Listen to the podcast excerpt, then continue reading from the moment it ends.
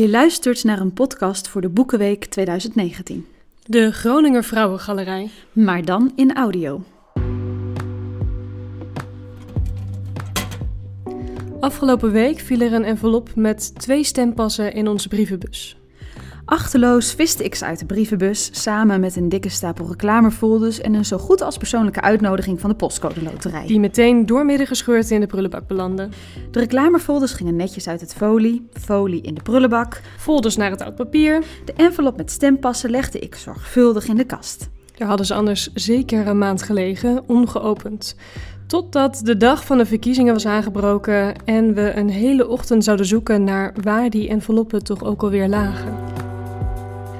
Maar nu we het verhaal kennen van Annette Versluis-Poelman, die zich hartstochtelijk inzette voor vrouwenbelangen en het vrouwenkiesrecht, besluiten we die envelop eens open te maken. Bovenaan de brief van de gemeente Groningen staat aan alle inwoners van de gemeente Groningen die mogen stemmen. Oproep voor de verkiezing van de leden van provinciale staten. Oproep voor de verkiezing van de leden van het algemeen bestuur van het waterschap een blauwe stempas en een groene. Annette Versluis-Poelman dus. Die wordt geboren in 1853 in Holwierde als dochter van een predikant, journalist en Tweede Kamerlid. Het gezin waarin zij opgroeit zorgt ervoor dat zij zich ontwikkelt tot vrouw met een mening en een sterke persoonlijkheid. In eerste instantie leert ze door voor onderwijzeres. Een beroep dat ze niet zal uitoefenen. Ze trouwt in Groningen in 1876 met uitgever Willem Versluis. En zij blijft ook altijd werkzaamheden uitvoeren in zijn uitgeverij. Dan, in 1892, leert ze feministe Wilhelmina Drucker kennen.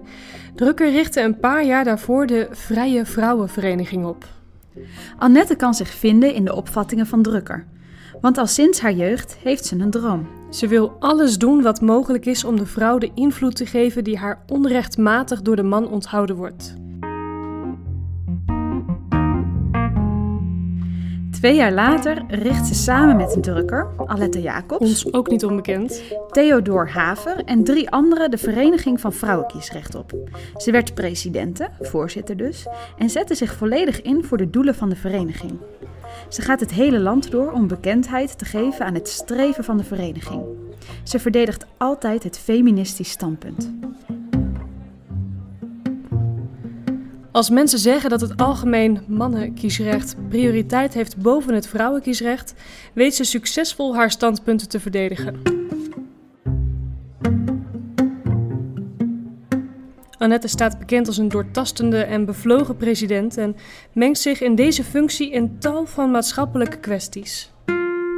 In 1901 wordt ze lid van oprichtingsbestuur van de Vrijzinnig Democratische Bond. Als eerste punt in hun programma zetten zij het algemeen kiesrecht voor meerderjarige mannen en vrouwen. Zij is hiermee de tweede Nederlandse vrouw die een dergelijke politieke functie bekleedt. Ook zetten ze zich in voor ongehuwde moeders. Ze wilden met de vereniging Onderlinge Vrouwenbescherming financiële en morele steun bieden aan deze vrouwen. Ze kreeg alleen veel tegenstand op haar pleidooi over gelijkberechting in het huwelijk. Vrouwen waren volgens de wet namelijk minder waardig aan de man. Hoewel Annette niet slaagde in haar strijd en ze in 1904 teleurgesteld terugtrad uit de vereniging, liet ze het er niet bij zitten.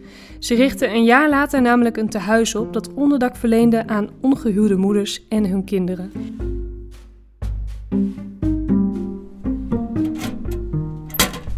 Wij weten dat het uiteindelijk zal lukken. Met dat kiesrecht voor vrouwen. Ik zit hier met een stempas in mijn hand. In 1917 mochten vrouwen zich al verkiesbaar stellen. In 1919 mochten vrouwen ook officieel zelf stemmen en in 1922 konden vrouwen dat stemrecht in praktijk brengen. Dat was de eerste keer dat ze mochten stemmen bij de Tweede Kamerverkiezingen. Helaas overleed Annette drie jaar voordat het kiesrecht werd ingesteld. Annette kon dit grote succes dus niet meer meemaken. Voordat ze wordt gecremeerd brengen honderden feministen haar een laatste eer. Het afscheid van Annette wordt een stille maar krachtige demonstratie voor vrouwenkiesrecht.